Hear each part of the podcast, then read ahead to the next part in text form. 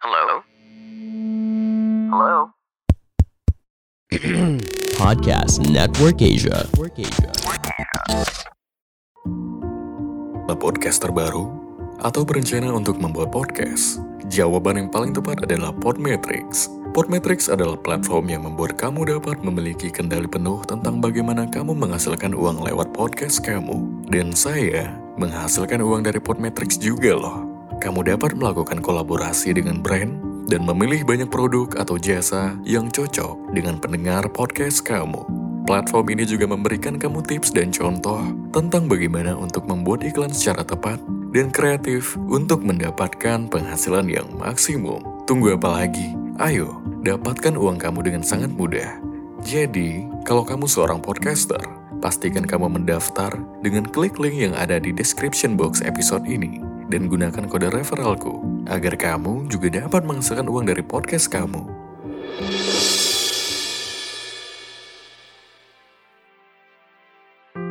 Halo, selamat pagi, siang, sore, malam. Di mana pun kalian berada yang sedang mendengarkan puisi kamar saat ini. Di episode kali ini, puisi kamar akan membacakan beberapa puisi atau sekumpulan puisi yang sudah rampung lama di Wattpad. Dan aku bakalan ngebacain satu persatu. Semoga kamu yang mendengarkannya suka dan nyaman dan merasakan jiwa dari puisi ini.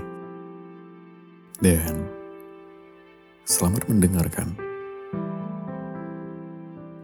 Puisi pertama berjudul Kau dan Keikhlasan. Dia adalah momen dalam hidupku. Selalu ada di pikiranku saat riuhnya kota menggangguku. Dia bersama aku saat kesibukan mulai meresahkanku. Dialah yang bisa menenangkanku dari aroma gundah sepi yang berdatangan. Hanya dia, cuma dia, yang mampu membuat melodi indah saat waktu terus bercerita dan berlalu. Simfoni yang beralun lembut di telinga. Saat-saat dulu pernah dia rayu aku. Bahkan aku ingat jelas lengkungan senyum manis itu. Bagaikan mimpi yang mampu ku tembus dunianya dengan sekeping rindu yang tersisa. Aku ingin menjadi momen di dalam hidupnya. Bahkan Kesepian pun mampu diisi oleh kenangannya. Walau hati dilingkari luka darinya. Air mata yang menjadi tawaku. Dan aku yakin senja tak akan mampu menandingi indahnya kisahku dengannya. Malam tak akan tahu aku sedang menyelimut rindunya. Ini sulit untuk dijabar, sebab tak ada hiasan yang bisa menggambarkan dia lebih indah Bahkan tulisan ini pun tak akan mampu.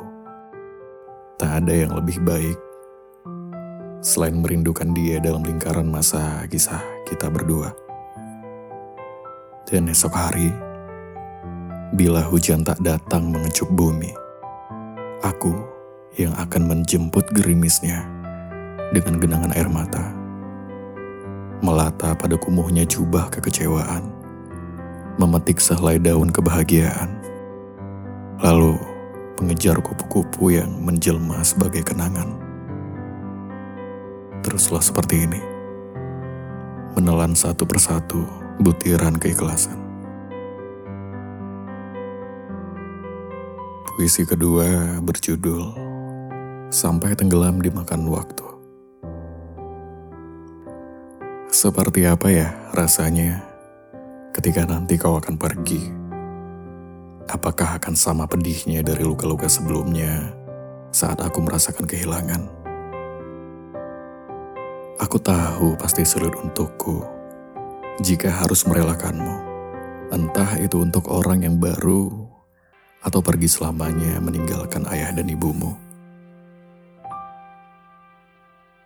Haruskah aku antisipasi dengan kenyataan kehilanganmu dari sekarang? Sepertinya tidak.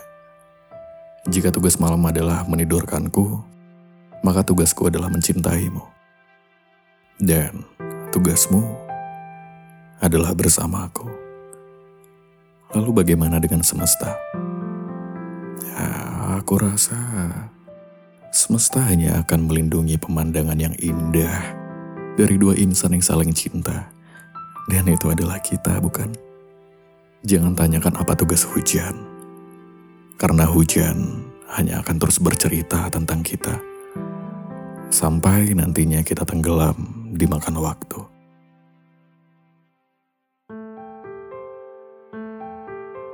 Puisi selanjutnya berjudul Tak Pernah Sampai. Ada segudang cinta yang pernah ku tanam, namun belum satu juga yang mekar. Ada sebongkah perasaan yang pernah ku inginkan, tapi itu hanya tinggal kenangan. Andaikan malam mengutukku, menjadi hewan yang tak berperasaan. Aku akan melata di tubuh rindu yang enggan kau sapa, dan andaikan aku terbunuh di kapal yang karam, aku akan ikut tak hanya tenggelam dalam lautan kenangan. Tapi di sini, di sini, matahari masih bersinar di atas kepalaku. Ia mengatakan kau sudah pergi jauh dariku. Lalu, kau katakan tak apa. Aku akan menemukannya meski tak utuh memilikinya.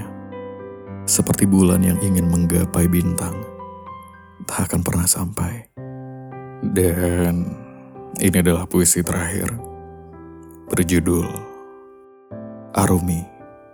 Aku kehilangan. Tidak ada nyawa lagi di antara kita. Tak ada detak jantung di tubuh cinta. Yang tersisa hanya guyonan derita. Satu yang tertinggal di kelopak mata yang penuh elegi yang lahir dari keturunan puisi bersabda pulang demi cintanya yang lahir dan mati. Aku pulang, membawa kertas-kertas kuning yang usang dengan kaki tangan yang sedikit berguncang. Aku pulang.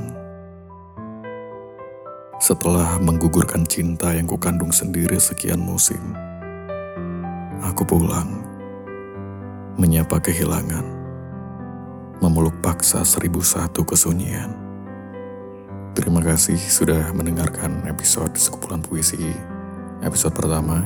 Semoga kau menikmatinya dan sampai jumpa.